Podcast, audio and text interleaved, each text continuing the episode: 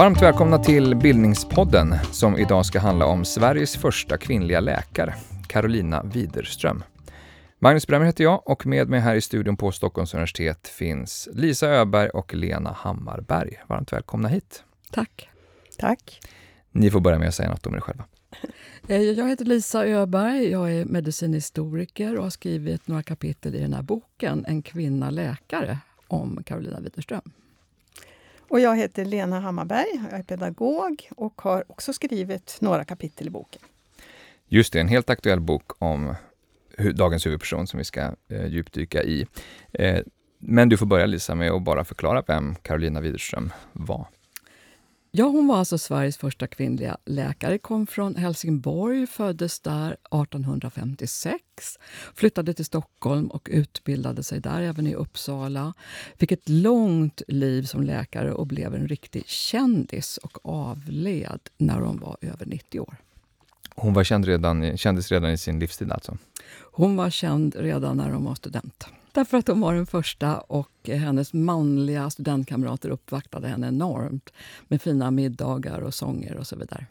Men Lena, om du skulle säga lite mer om vad hennes största avtryck kan alltså, sägas vara så här i efterhand. Dels då naturligtvis det här med att vara den första kvinnliga läkaren, men det var ju inte det enda, eller hur? Nej, hon, hon var verkligen någon som tog kvinnornas parti på väldigt många olika sätt. För det första var hon ju väldigt aktiv inom rösträttsrörelsen och hon var också den som kämpade för kvinnors rätt till kunskap om sina kroppar och sin sexualitet. Och dessutom så drog hon många lansar för att kvinnor skulle få rätt, inte bara att utbilda sig, utan också rätt till tjänster.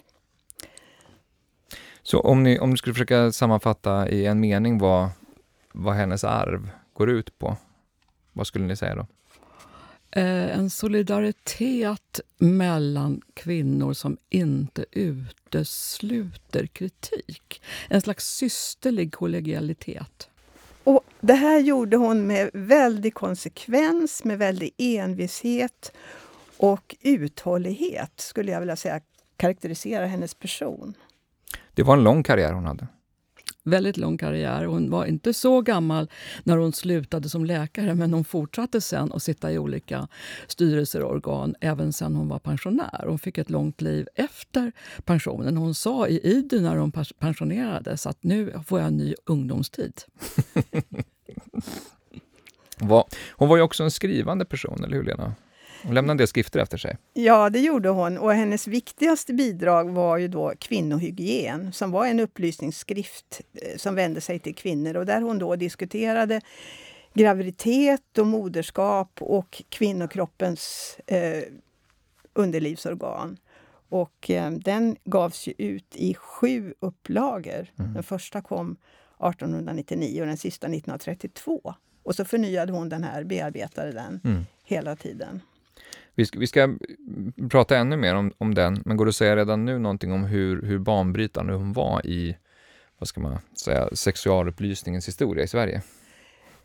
Jo, men hon var ju den som eh, kan man säga nådde allmänheten utan att chockera. Alltså hon mm. var eh, en föregångare till Lise Ottsen-Jensen kan man säga. Eh, visserligen pratar hon inte om preventivmedel förrän möjligen i slutet av, av 20-talet. Men hon, hon, eh, hon tyckte att man kunde ta fasta på den nya medicinska kunskapen som hade kommit och förmedla den på ett sakligt sätt. Och Det kombinerade hon då med en etisk hållning till sexuallivet. Och Det här gjorde att hon accepterades i väldigt breda lager när hon talade. Mm. Men hon var också chockerande ibland. Till exempel när hon publicerade artikeln om menstruationen i Idun. Och då kom det eh, högvis med brev till Iduns redaktion som sa att nu kan vi inte prenumerera längre, nu har ni gått över gränsen. Mm. Det här, hon, hon bröt någon slags intimsfär här i offentligheten. Verkligen, speciellt som den var ganska ingående. Man skulle förfärdiga sina egna bindor och liknande. Mm. Ni har ju båda forskat om Karolina Widerström och nu då uh, gett ut den här antologin om, om hennes liv och gärning uh, tillsammans. Vad är ni själva mest fascinerade över med, med henne? Jag är mest fascinerad av henne som någon slags slug kapten. Mm. Alltså hon är väldigt eh, taktisk. Hon vill vissa grejer. Hon vill absolut få bort den här reglementerade prostitutionen. Hon vill att kvinnor ska veta vad organen i underlivet heter. Hon har massor med mål. Men sen skippar hon en del andra saker som hon vet att det här kommer bara bli problem och jag kommer tappa mitt förtroende hos allmänheten. Så att hon är, kan man väl säga, väldigt taktiskt skicklig. Mm. Ja, och man kan väl säga också att hon utnyttjade också tidens möjligheter. Alltså mm. hygien och hälsa var ju frågor som låg i tiden och där var hon en väldigt stark företrädare för det. När hon till exempel satt i Stockholms skoldirektion och bland det första hon gjorde var att hon yrkade på ett kostnadsförslag på 400 nya tvättställ i skolorna till exempel. Mm. Det, alltså hon var väldigt frejdig och, och tog för sig. Mm. Det låter lite som att det handlar om, om, om frigörelse på många olika plan, men också väldigt konkreta insatser uppenbarligen. Precis, hon var väldigt praktisk och konkret. Hon kunde prata om strumpeband lika väl som hon kunde prata om alltså, stora visioner. Mm. Verkligen. Om, om hon eh, satt med oss här idag, hur skulle vi uppleva henne? Finns det några, har ni stött på några intressanta beskrivningar av hennes personlighet? En liten detalj är ju att hon behöll sin mjuka skånska. Och hon mm. hade många vänner som kom från Skåne och var kamrater till henne och fick också alltså uppsatta positioner kan man säga i, i Stockholm. Så det är en sak som vi skulle märka. En annan sak tror jag är den här vänligheten men enormt starka viljan. Mm. mm. Hon beskrivs ju som en, en späd och gracil kvinna. Men det intryck man får när man läser henne är ju att hon var en väldigt kraftfull kvinna. Mm. mm. Hur märks den här kraftfullheten? Det märks i det hon skriver och det hon säger. Att hon vet vad hon vill och hon är otroligt duktig på att argumentera för sina saker. Det är aldrig... Alltså, det är väldigt entydigt och hon är väldigt konsekvent och hon är väldigt uthållig i det hon tycker och säger. En stark opinionsbildare kan man Absolut. säga. Mm. Um, om vi ska ta det från början då, innan vi mm. fördjupar oss i, i vad hon ägnade sitt yrkesliv åt. Var kom hon ifrån? Hon kommer ifrån en familj där det faktiskt finns en hel del medicinsk kunskap. Hennes pappa var hästläkare, veterinär, massör, sjukgymnast och hade liksom stor erfarenhet som badare och liknande saker. Mm. Så att hon hade säkert med sig en hel del kunskap och han var fullständigt fanatiskt intresserad av anatomi. Och mm. redan som 12-åring så köper Carolina ett stort verk med där man kan se alla muskler och alla eh, skelettets delar och så vidare. Va? Så hon hade den bakgrunden, men också från sin mamma som kom från en apotekarsläkt, även om mamman typiskt nog aldrig själv hade fått någon utbildning utbildning. Hon, eh, hon, hon eh, växer upp i Helsingborg, eller hur? Hon växer upp i Helsingborg i ett hem eh, som är då, kan man väl säga, i den lägre borgerligheten och som vill uppåt. Alltså hon placeras i skolor där hon träffar gräddan i Helsingborg kan man säga. Mm. Och hon får också väldigt mycket privatundervisning av sin pappa. Men sen ska man inte heller glömma att det inte bara alltså, tanken som tränas, utan det är kroppen. Hon lär sig simma väldigt tidigt. En av hennes eh, läkarkollegor berättar hur hon dyker ner på många meters djup och fångar upp stenar som pappan har lindat i en handduk för att de ska synas på botten. Och tar upp dem där. Och hon är mycket bättre än alla killar på att dyka djupt. Mm. Och de ska tränas eh, och pappan har även privat gymnastikundervisning hemma där mamman då eh, biträder vid fruntimers undervisande. Men du menar att, att uh, de här gymnastiska kunskaperna också spelar in i, i, i, hennes medicinska bana? Så att säga? Den spelar väldigt stor roll för hennes ja. medicinska bana, men sen tror jag också att det spelar stor roll för hennes uthållighet. Alltså hon hävdar ju någonting som många skulle känna igen idag. Att träning är jätteviktigt för att hålla knoppen igång mm. också. Alltså det där mm. hänger ihop. Och hon är springer till exempel från Odenplan när de bor där ner till Gamla stan i, eh, när hon undervisar i Wallenska skolan. Då springer hon, nu skulle vi säga att någon joggar, mm. men hon springer helt enkelt i en lång kjol där och eh, har matsäcken i fickan. Skriver hon om det själv eller är det någon som har vittnat Ja, det om finns en berättelse om hur hon, hennes utbildningsväg som är väldigt krånglig faktiskt. det? Mhm. Hon kunde inte ta studentexamen för att det fanns inga läroverk för kvinnor utan hon blir, student, blir gymnastiklärare i Wallinska skolan i Gamla stan. Och då får hon rätt att följa undervisningen där. Och hon tar examen där med A i alla ämnen på latinlinjen. Och då som frielev eftersom hon undervisar i gymnastik. Efter att ha utbildat sig till sjukgymnast och gymnastiklärare. Alltså. Just det, för att hon börjar som sjukgymnast Ja, mm. hon, och gymnastiklärare, det hänger ihop. ja, precis. Mm. Och efter det så praktiserade hon hos eh, eh, Hjalmar Branting. Eh, nej, Gabriel Branting, Hjalmar Brantings pappa Mhm. under ett års tid. Och det var pappan då som hade också gått hos honom och som ville att hans dotter skulle, skulle göra detsamma. Så där var hon under ett år. Där hon bland annat knådade Ellen Key och lärde känna henne. Och eh, fick den här idén då om att fortsätta till att bli läkare. Ehm, och just det, Eh, men säg något mer om vad, om vad jobbet gick ut på, så att säga.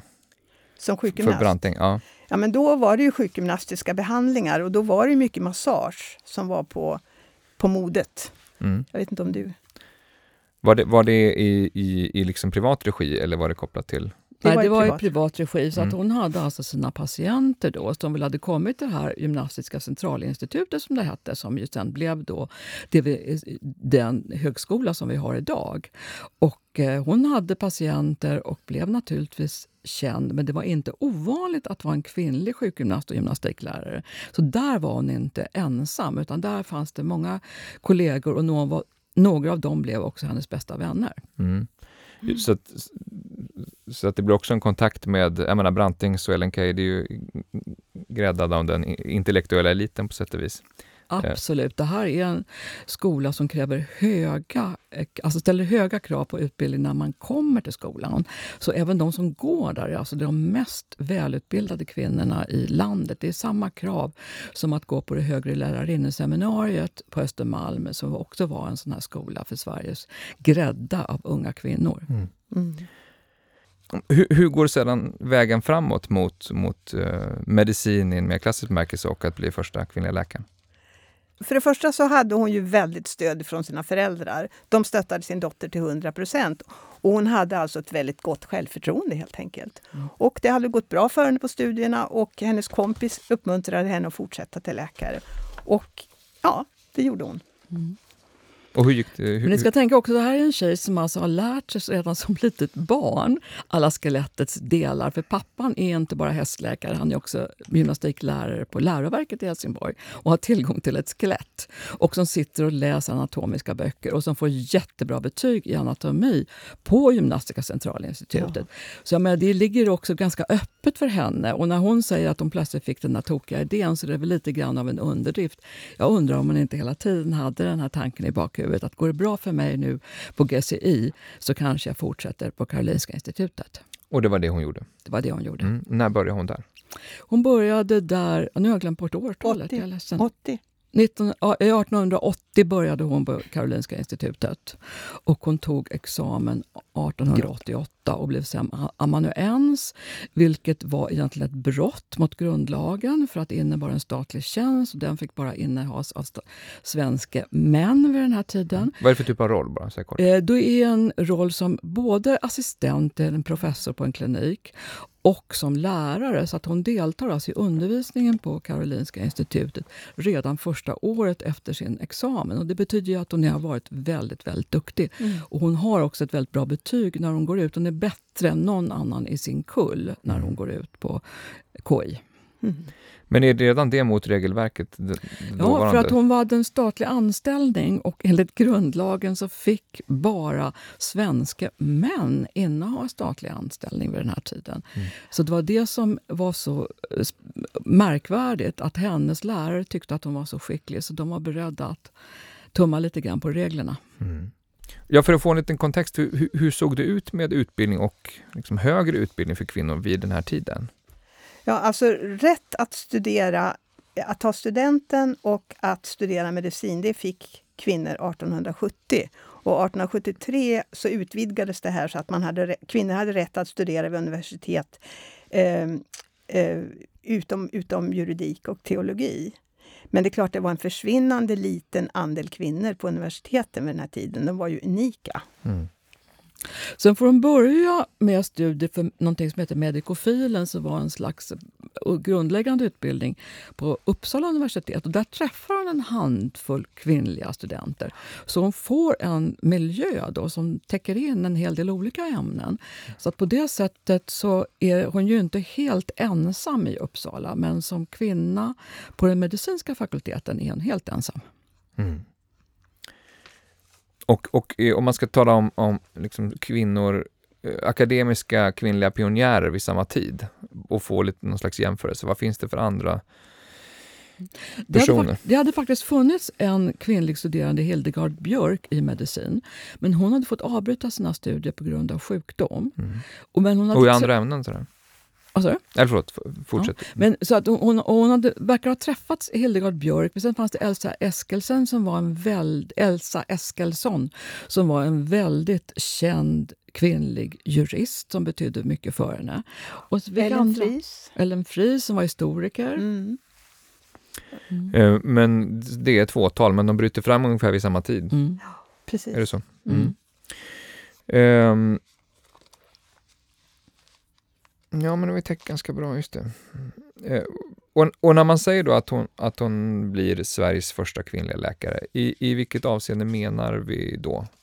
Hon tar en medicine licentiatexamen på eh, Karolinska institutet som också innebär att man har gjort en hel del eh, studier i Uppsala. För de här två eh, lärosätena konkurrerar vid den här tiden väldigt mycket. Uppsala universitet är den äldsta medicinska fakulteten mm och vill inte släppa ifrån sig kontrollen. Men själva examen sker i Stockholm inför en hel rad eh, professorer som i vart och ett av sina ämnen då ställer frågor till de här fem stycken, fyra män och Carolina Widerström vid ett förhör en lördag förmiddag i Stockholm eh, våren eh, 1888. Men, men, man måste ju varit medveten om det historiska i det ögonblicket. Hon har släppts fram medvetet eller har det skett någon slags avreglering som gjorde det möjligt? Eller hur ser det där ut? Alltså, möjligheten kom då, som Lena sa, 1870 redan, men det var mm. ingen som hade kommit så långt innan henne. Mm. Okej, okay, så att i, i och med den avregleringen 1870, så redan då så, så förstår man att det här innebär att vi kommer få en kvinnlig läkare?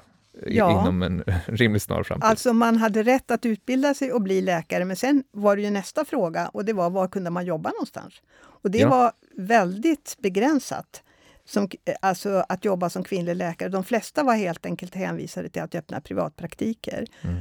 Och eh, det förväntades också att man skulle hålla, syssla med moderskap och med barn som kvinna. Eh, så att det tog ju lång tid och det var ju en av de frågor som Carolina Widerström verkligen ägnade sig åt. Att kämpa för att få rätt till mm. tjänster på sjukhus och som provinsialläkare och som överläkare etc. etc. Det tog ju många, många år eh, med den kampen.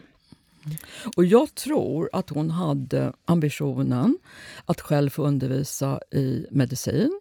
Och jag tror också att hon på något vis fick för sig att hon var så väldigt eh, omtyckt, omhuldad, beundrad att det skulle gå för henne att liksom bryta igenom de här spärrarna och att de skulle ändras. Mm. Men det gjorde de ju inte. Alltså, under hela hennes yrkesverksamma tid fick inte kvinnor eh, gemen som var, eh, som var legitimerade läkare alltså undervisa på Karolinska institutet eller något annat medicinskt eh, universitet. Så att, eh, hon kom ju aldrig dit, men jag tror absolut att hon hade ambitionerna att själv få undervisa för att annars skulle inte hon ha gjort så mycket eh, farliga operationer som hon sen redovisade i eh, berättelser i de medicinska tidskrifterna och skriva så mycket vetenskaplig text som hon gjorde. För att det var ju inte bara det att de vände sig till allmänheten utan de skrev ju också i Läkarsällskapets tidskrifter och talade på Läkarsällskapets möten. Mm. Så att hon ville vara en av den här, den här manliga eh, kunskapseliten i läkarskrået men den eh, vänlighet som han hade mötts med först, den förbyttes sen mot en oerhörd manschauvinism. Mm. Just det, de där sakerna brukar ju hänga ihop historiskt tyvärr. Men är det så att hon ändå bryter ny mark för andra kvinnor att följa hennes spår?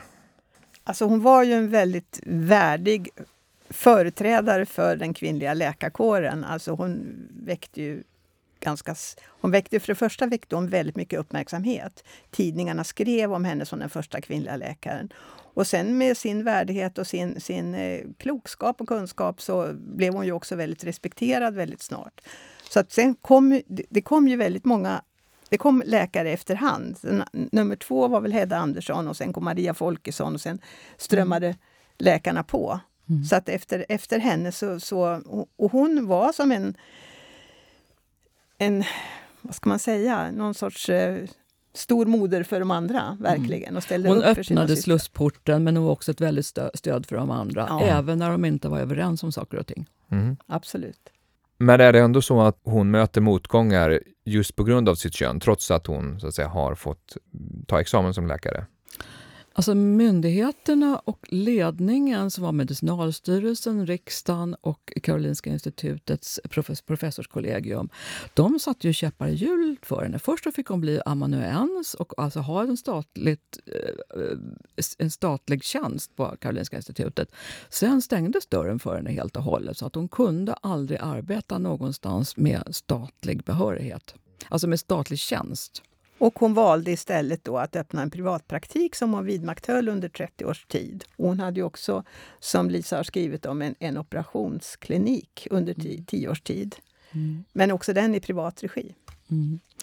Jättebra. Mm. Vill du lägga till? Ja, jag tror så här, alltså att hon märkte att det här kommer inte helt enkelt att gå. Jag kommer aldrig att kunna undervisa, jag kommer aldrig bli docent eller professor. Utan istället så ska jag söka mig andra vägar. Och då väljer hon så att säga ett podium i den offentlighet som börjar byggas upp på Arbetarinstitutet, på KFUM, i stora salar föreläser kunniga kvinnor och män för en allmänhet som kommer in och betalar en krona eller så, som är ganska mycket då, för att få lyssna på de här storheterna och få mera kunskap. Så att istället för att välja den akademiska vägen så väljer hon folkbildningsvägen. Mm. Om vi skulle vända blicken lite mer mot specifika frågor som hon sysslade med och eh, skrev om och, och, till och med drev opinion om. Det första hon ger ut är en skrift med titeln Om den kvinnliga klädedräkten betraktad ur hälsans synvinkel. Där kopplingen mellan kläder och hälsa kanske inte är glasklar för oss idag. Kan, Lena, kan du säga något mer om vad det där handlade om? Ja.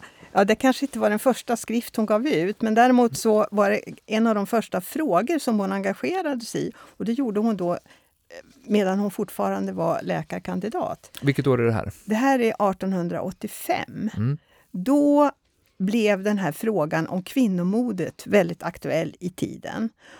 Och i Sverige så fördes den eh, fanns en, en författare som hette Ann-Charlotte Leffler som hade varit i England och inspirerats av kritiken mot kvinnomodet. Kvinnor hade turnyrer och långa kjolar. Turnyrer var en sorts eh, lång klänning med stora veck bak till. Och dessutom, för att bära den så hade man också snörliv. Och det här hade man börjat opponera sig mot i olika länder och även i Sverige. Och då startade, eh, då tog man initiativ det var Nya Idun som tog initiativ till en, en, eh, ett möte kring den här frågan. Och där deltog då Carolina Widerström och eh, man bildade en förening och sen höll hon då ett, ett eh, anförande på ett allmänt möte kring det här och sen skapade man också den här Dräktreformföreningen. Mm. Vilka var argumenten bara, också i det här internationella sammanhanget? Alltså, man kan väl säga att det var två argument. Dels så hindrade den här väldigt opraktiska klädseln kvinnan i allt vad hon skulle företa sig. Om hon skulle böja sig ner och ta upp något, om hon skulle lyfta upp ett barn, om hon skulle promenera utomhus så blev kjolarna smutsiga. Så att det var en extremt hindrade helt kvinnokroppen från att, att, att eh, fungera helt enkelt. Kläderna var en begränsning? Helt enkelt. Ja, kläder mm. var en stor begränsning. Det andra var ju de här medicinska argumenten. Att de här snörliven eh, snörpte ihop de inre organen och alla de här lagren som man hade kring midjan i form av ja, massor med veck och kvinn. Det var också för varmt där och för kallt upp till. Eh, och Carolina Widerström då i egenskap av kvinnoläkare, hon menar ju också att, att man, försköt, man försköt de nedre organen, eh, vilket kunde vara då allvarligt med tanke på graviditeter etc. Så det är här vi kommer in på hälsans ja. synvinkel som hon skriver om. Ja. Mm. Um, vilket blev uh, Widerströms uh, bidrag i den här frågan?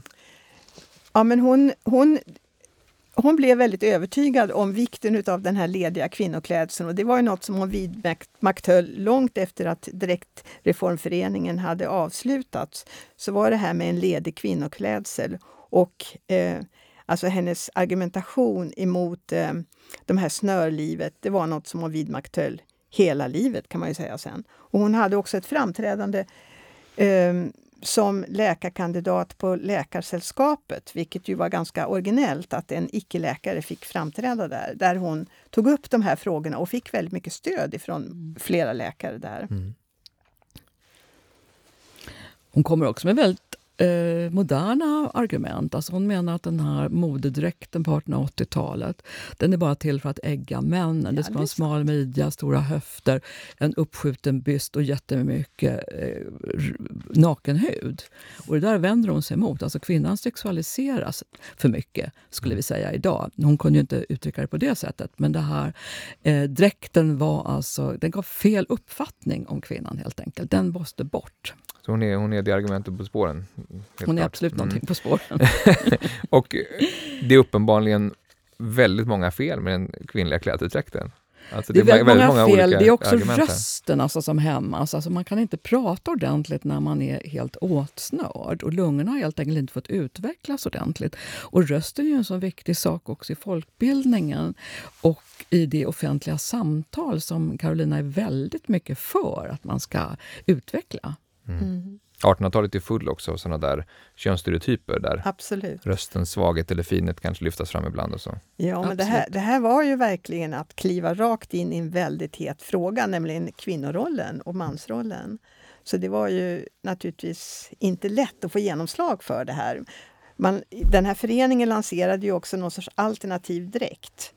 Och den syddes konstigt nog upp utav modet skapandet Drottning. största stjärna i Stockholm, nämligen Augusta Lundin. Jaha. Ja, hon var ju den som tog Parismodet till Stockholm.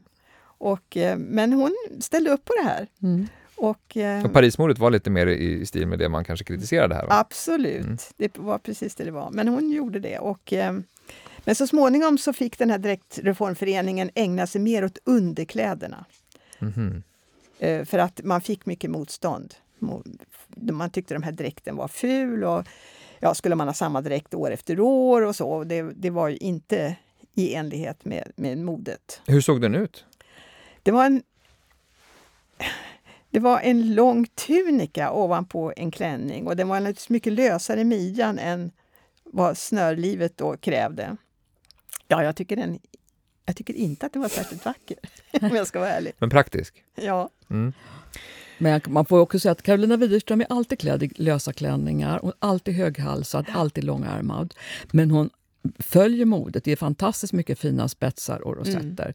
Så att hon gör också sitt absolut bästa för att få den här dräkten att se väldigt attraktiv ut. Ja. Mm. Men om, om det inte är så att hon skapar ett nytt mode så får ändå den här kritiken någon form av genomslag?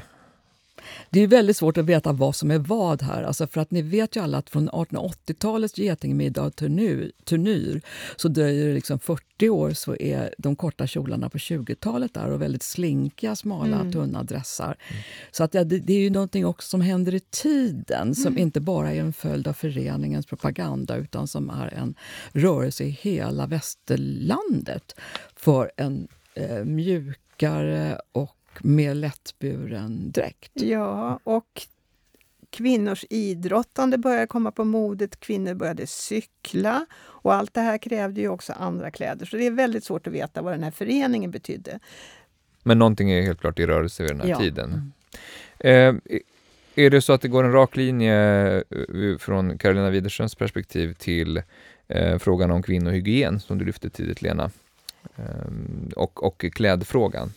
Ja, det, hon ser det nog som en helhet, absolut.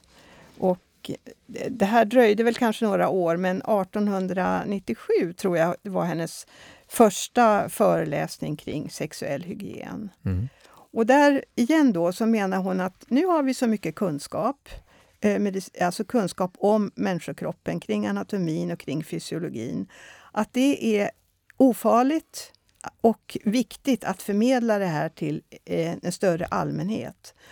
Och då förknippade hon det med någon sorts etisk hållning. Alltså hon ville höja upp sexuallivet till ett, ja, ett nästan heligt ändamål. Hon drog sig inte för att hänvisa till Bibeln. Och hon menar att, att om Gud har liksom sagt till människorna att föröken eder och befolka jorden, då kan det inte vara en ful handling. Det här är någonting fint och det måste vi kunna eh, tala om för våra barn, att så här går det till. Och menade att får inte barnen veta det här från sina mödrar och så småningom också ifrån skolan, då, är det någon, eh, då får man veta det på fel sätt. Mm. Så därför är det rätt att förmedla den här kunskapen. Men det var ju naturligtvis väldigt kontroversiellt. Vet vi hur hon kommer in på de här frågorna? Och att, att jag tror att det var i egenskap att hon var kvinnoläkare. Hon hade naturligtvis mött eh, en rad kvinnor som hade bristande kunskap om de här funktionerna. Mm. Så att eh, hon kände att det här var angeläget. Mm. En av hennes lärjungar, Ada Nilsson, ja. berättade hur hon behandlade en eh, maka till en professor på, på Tekniska högskolan som var gravid och där eh, den här professorskan då inte visste var barnet skulle komma ut någonstans. Så mm. det fanns en enorm okunskap och jag ja. tror också precis som Lena att det var i praktiken alltså också en otrolig påfrestning för henne att få upplysa vuxna kvinnor om det mest elementära i sexualliv och grav graviditet. Eh, men istället ville hon helt enkelt rationalisera. Hon ville få in det här i skolan. Det här måste alla få lära sig. Hur ser könsorganen ut? Vad är ett samlag för någonting? Hur är graviditetens olika faser? Sådana enkla saker som vi tycker är ganska självklara idag. Men det var hysch-hysch och nästan omöjligt att prata om. Mm. Du nämnde, kallade henne tidigare för en, en, en av tidens stora folkbildare. Mm. Är det så att det, det växer kanske ur den här frustrationen? Eller, uh, uh... Jag tror att det växer ur frustrationen, att hon ser att det här... Hon kanske kan ta emot tiotalet eh, patienter per dag, men att hålla på med individuell undervisning är väldigt ineffektivt. Så ut med kunskapen på bokhandelsdiskarna helt enkelt. Det är ju hennes eh, modell. Mm. Och den får enormt mycket reklam. Om man tittar i dåtidens tidningar så är den här kvinnor Ögren-boken. Mm. Den, den annonseras hela tiden. Och hon själv är också väldigt PR-duktig. Alltså. Mm. Hon, hennes egen läkarpraktik har annonserats hela tiden. Det står när hon ska åka på landet och tyvärr inte jobba. Och det står när hon kommer tillbaka från landstället och hon ska sätta igång praktiken igen. Hon vet mm. precis hur en slipsten ska dras. Hon annonserar det alltså? Absolut. Mm. Ja. Och som den första kvinnliga läkaren så såg hon också att hon hade en speciell mission när det gällde sexualundervisningen. Mm. Hon skulle verkligen eh, dra en lans för det. Och, och, det här är ju en tid när, med växande offentlighet och mm. uh, är, är det givet för att den också ska vara publicerad, så att säga, att det är skrift hon Nej, jag skulle, inte, jag skulle säga att det muntliga alltid kommer först för Carolina Widerström, ja. men det är alltid ett skrivet föredrag som hon har suttit och plitat på hemma. Men det är oftast när det först har varit då i offentligheten som en muntlig, eh, som muntlig information som det sen kommer ut i skriftlig form. Säkert också för att hon blev ombad att omvandla det här föredraget då till en lämplig eh, skrift av någon av något slag. Och hon får vara med och prata på också ställen där det nästan bara är män som talar annars. Dels i Läkarsällskapet där hon ju länge är, ensam. Men sen också på någonting som heter Arbetarinstitutet som låg där Åhléns ligger nu i Stockholm och som var en sån centralpunkt för föreläsningar. Och där är det egentligen bara hon och Ellen Key som är kvinnliga föreläsare. Okej, okay. och, och, hon pratar alltså då både inför läkarkåren så att säga och till eh, allmänheten. All allmänhet. Ja, Men hon börjar i sluten form på, en, på ett läroverk i hörnet Kungsgatan, Sveavägen, där hon har slutna föreläsningar för endast kvinnor för att pröva på det här med att undervisa om mm. sexualkunskap. Och då säljs biljetterna privat. Det finns inte i tidningarna, utan man köper den där av en eh, väninna, den här biljetten, stoppar den i klänningsfickan och går dit. Mm. Och så småningom så föreläser hon ju väldigt mycket för lärarinnor och på lärarinneseminarier för att, spri, för att det ska sippra ner? Ge dem, ja, precis. Ge dem kunskap som de sen ska förmedla vidare till eleverna. Så, ja, och sen hade hon ju själv också då eh, en lång, många års sexualupplysning både i flickskolan för flickskolans äldre flickor och så småningom också i folkskolan mm. för de äldre flickorna där. Men är det så att när de här föredragen trycks att de blir mer kontroversiella i det att de når en, en bred allmänhet så att säga? Nej, jag tror inte det. hon har ett väldigt varsamt sätt att skriva på. Hon mm. tar ju inte upp allt för kontroversiella frågor heller som preventivmedel. Det fanns inte med i hennes skrift om kvinnohygien. Men ni nämnde menstruationen i Idun till exempel. Ja, den, det, det, var, det var verkligen ett, ett normbrott. Det kan man verkligen säga. Det var det som att det var ett steg för långt? Ja, det var ju redan 1885, så det var ju... Det var också lite tidigare? Väldigt tidigt, ja. Mm. Jag tror att i vissa frågor så var hon också ganska karsk alltså, och visste att här kommer jag att få jättemycket mothugg. Men det här är den enda vägen. Det var samma sak med reglementeringen där hon alltså också fick väldigt mycket hård kritik. Men jag tror i sexualundervisningen, som, precis som Lena säger, så var hon väldigt mjuk och ganska abstrakt. Alltså det är inte lätt riktigt att förstå vad som händer när en graviditet börjar genom att läsa Carolina Widerströms skrifter. Mm. Och hon vågar ju inte heller publicera männens könsorgan i För. bild i genomskärning och så förrän långt senare än kvinnohygien. För i kvinnohygien finns kvinnans könsorgan mm. i genomskärning. Så att hon är alltså försiktig.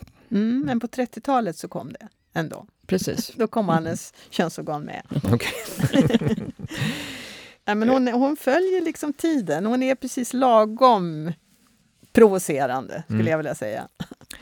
Reglementeringen som du har nämnt några gånger nu, ja. eh, Lisa, eh, och eh, prostitutionen då, är ju en av de områden som hon kanske är mest känd för att ha yttrat sig inom. Kan vi inte börja med att bara förklara vad reglementeringen var för någonting och, och, och, och, och sen förklara Karolina Widerströms så roll i ja. allt detta. Ja, alltså, reglementeringen var ju då ett sätt att, att kontrollera de prostituerade helt enkelt, som hade införts i mitten av på 1800-talet och som var en lokal bestämmelse som infördes i ett antal städer i Sverige. Det var inte bara i Stockholm utan även i andra hamnstäder och universitetsstäder där det fanns många unga män. helt enkelt. Och Det här innebar då att kvinnorna var tvungna att kontrollera sig, gå till doktorn med jämna mellanrum och kontrollera att de inte bar på veneriska sjukdomar. För det var det det handlade om, att man skulle kolla att de var friska.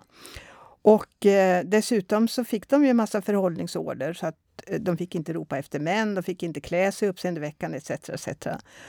Eh, och dessutom så fick de lämna in sina prästbevis till polisen vilket innebar att de hade väldigt svårt att bryta sig loss ifrån det här, eh, den här verksamheten, mm. att söka jobb.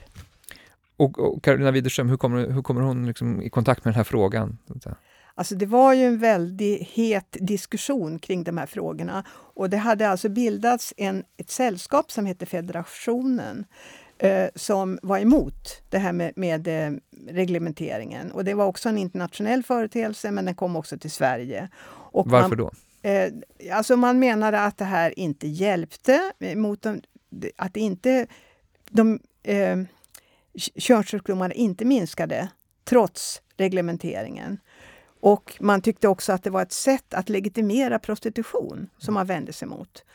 Och den här eh, federationen den bestod dels av de som ville ha en annan sedlighet, förbättrad sedlighet i Sverige, men också utav feminister. Mm. Så det var någon sorts koalition mellan de här, de här två grupperna. Eh, så att frågan var väldigt het.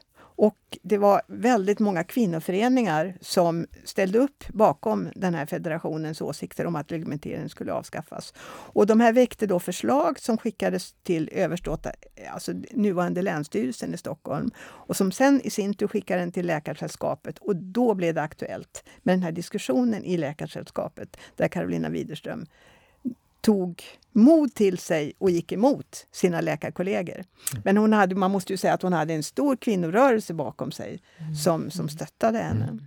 Men säg, hon, säg något mer om hur det gick till. Jag kan säga att hon gick emot. Alltså hon, eh, etablerar sig i Stockholm, först på Bryggargatan och sen på Gamla Brogatan i Klara. Klara är prostitutionskvarter. Det här är någonting hon ser dagligen.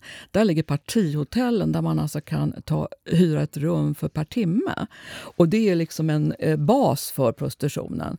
Så jag menar, det här är någonting som är så fruktansvärt plågsamt för henne tror jag, att se alla dessa kvinnor som kommer till Stockholm, ska skaffa sig ett jobb, lockas in i prostitution. Och hon ger också ut en liten broschyr som heter Varningsord till unga flickor.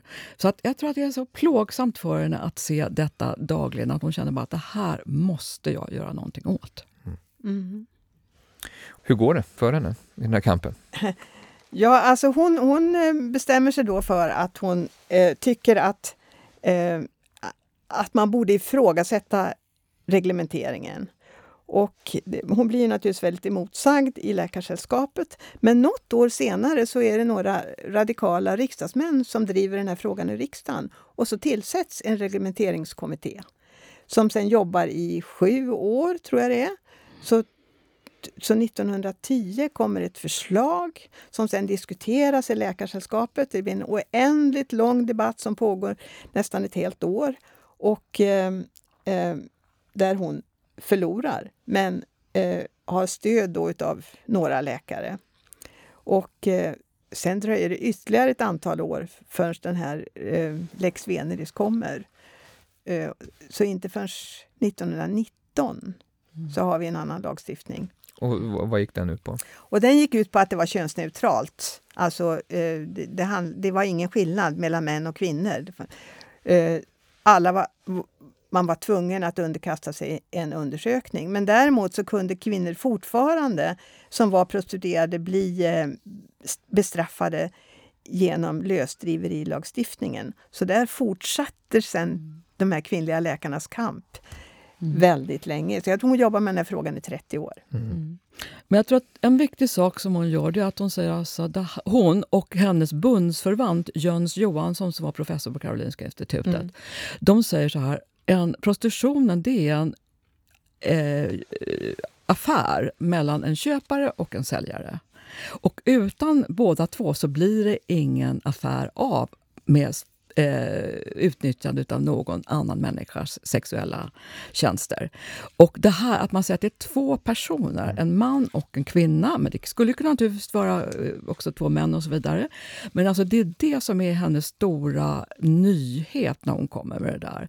Och att lagen på det sättet, som precis som Lena säger, måste bli könsneutral. Mm. Och det är intressant att även 1970 års prostitutionsutredning i Sverige går tillbaka till hennes definition utav köpande och säljande av sexuella tjänster mm. mm. som en ekonomisk transaktion. Det är mm. det som är kärnan. Mm, idag har vi ju vänt på lagstiftningen så mm. att det är förbjudet att köpa mm. men inte förbjudet att sälja. Just det.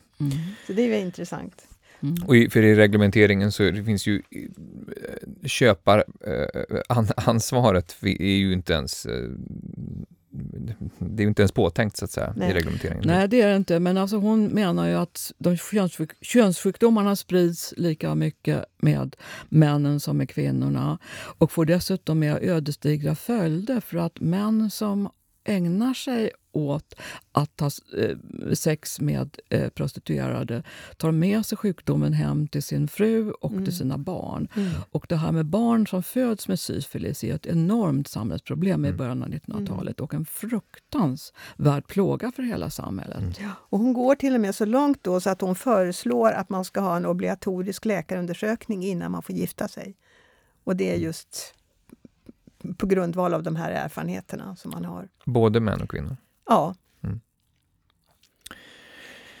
Tiden går snabbt och Karolina Widerström eh, ägnade sig åt väldigt många olika saker uppenbarligen. Så vi mm. måste fortsätta med, med att bara hinna med rösträtten också och mm. hennes, um, uh, hennes uh, arbete för den. Um, vem vill säga något om det?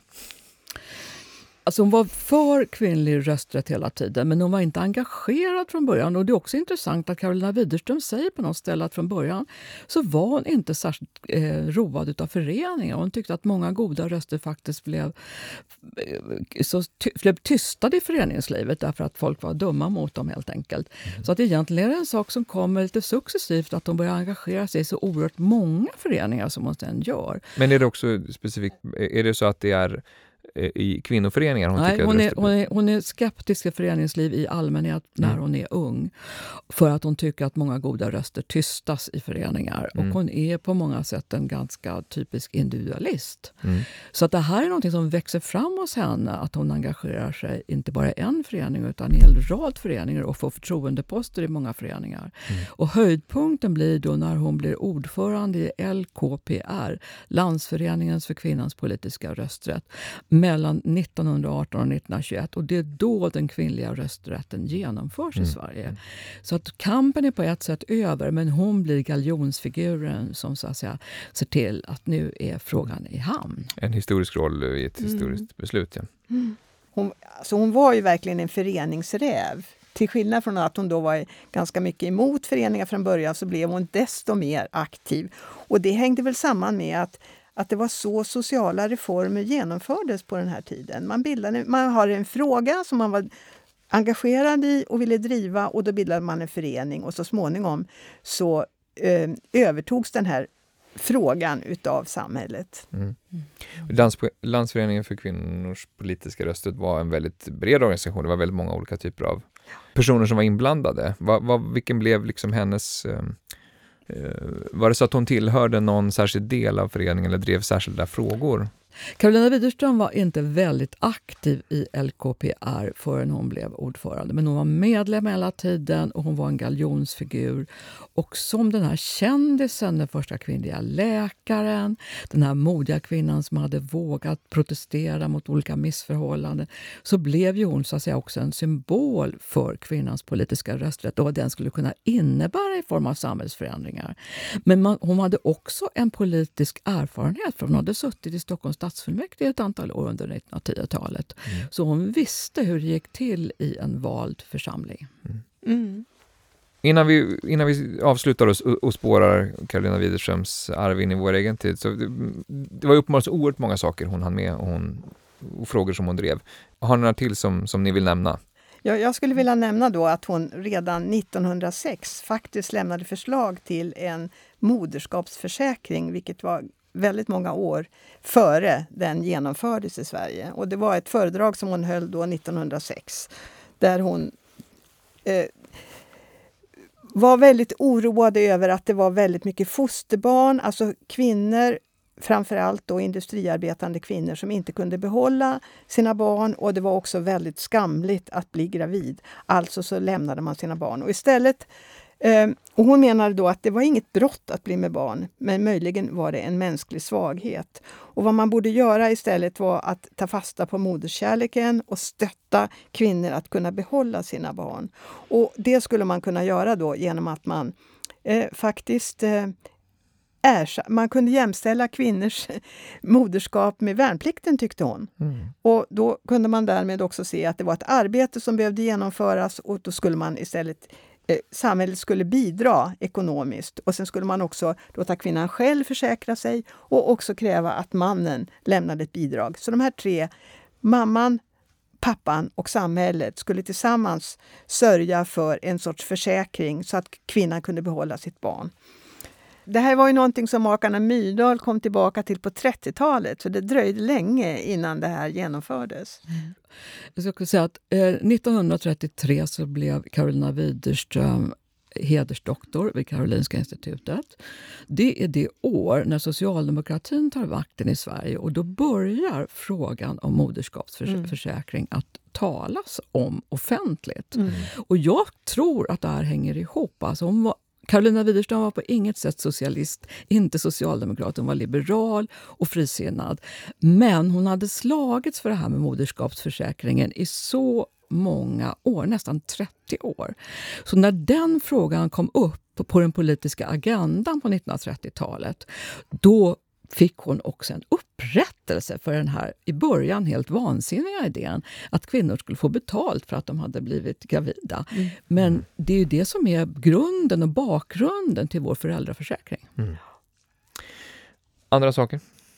Någonting som hon själv var väldigt stolt över så var det faktiskt inrättandet av friluftsskolor i Stockholms ja, folkskolor. Det. Mm. det. är en rolig... Eh, alltså hon, hon eh, tuberkulos var ett stort problem. Veneriska sjukdomar, tuberkulos och alkoholism det såg hon som de tre största eh, hälsofarorna för den här tiden. Och hon tänkte sig att barn behöver frisk luft och svaga barn behöver eh, en speciellt ställe i skolorna att hålla till på. Alltså så inrättade hon tillsammans med andra läkare då friluftsskolor på Stockholms folkskolor. Där de satt i tjocka valmalskläder och värmekrus i friska luften, alltså gärna högt upp. Eh, det fanns flera sådana skolor i Stockholm under den här perioden. Och det här var någonting som var hennes... Hon till och med designade de här vadmalskläderna som barnen hade. Med stora luvor. Ja. Eh, och om man vill se en sån här terrass som har varit då ett utomhusklassrum så är den enda som finns kvar är i Midsommarkransens skola som man ser om man kör in från Södertälje in i Stockholm så ser man den här skolan som ligger mitt i en trafikrondell. Och där satt de alltså då en mm. hel skolklass i de här luvförsedda jätterockarna och fick undervisning. Det är som en amfiteater. Ja. ja, kan man säga. Och man kan också tänka det som en förebild eller en tidig form av förskolan ur och skur. Mm. Det är uppenbart att eh, det här, Carolina Widerström var en pionjär på flera olika sätt, väldigt modern person eh, före sin tid i flera avseenden. Men, men skulle ändå vilja peka på några, några punkter där ni tycker att hon var där man ser ett särskilt tydligt arv så att säga, in i 1900-talet, kanske ända fram till vår egen tid? Ja, jag tänker framför allt på prostitutionslagstiftningen som i Sverige ändå betonar liksom att det är två parter och att eh, man har inte en lag emot prostitution i Sverige längre utan det är istället en lag om sexhandel. Och själva den där idén med sexhandel, att det är det det handlar om, det är en idé som härstammar från mm. Carolina Widerström och hennes kompanjon då, Jöns Johansson. Mm. Något som Sverige också är väldigt känt för. Är det som sticker och, ut Sverige, också väl, och Sverige är ju känt för att man har en sexuell... En, en, förlåt, Sverige, Sverige är också känt för att man har en lag eh, när det gäller sexhandel som är annorlunda än de flesta andra länders. Mm. Vi kan väl också säga att vi var väldigt tidiga i Sverige med sexualundervisning i skolan. Mm. Från 50-talet. 56 tror jag den kom. Mm. Och det har också ett, också ett arv från Karolina Widerströms öppna attityd till den här kunskapen. Mm. Och när den infördes var ju tyvärr Carolina Widerström död. Hon hade ja. dött 1949, men hon skulle ju ha älskat att veta att det här blev faktiskt så småningom genomfört. Ja. Det får bli de sista orden för idag. Jag säger tusen tack till Lisa Öberg och Lena Hammarberg för att ni ville vara med i Bildningspodden. Tack! Tack, tack! Och tack alla ni som har lyssnat. Vi är tillbaka om ett par veckor med ett nytt avsnitt.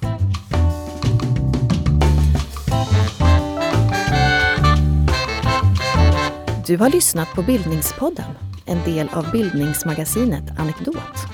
Fler poddar, filmer och essäer hittar du på anekdot.se.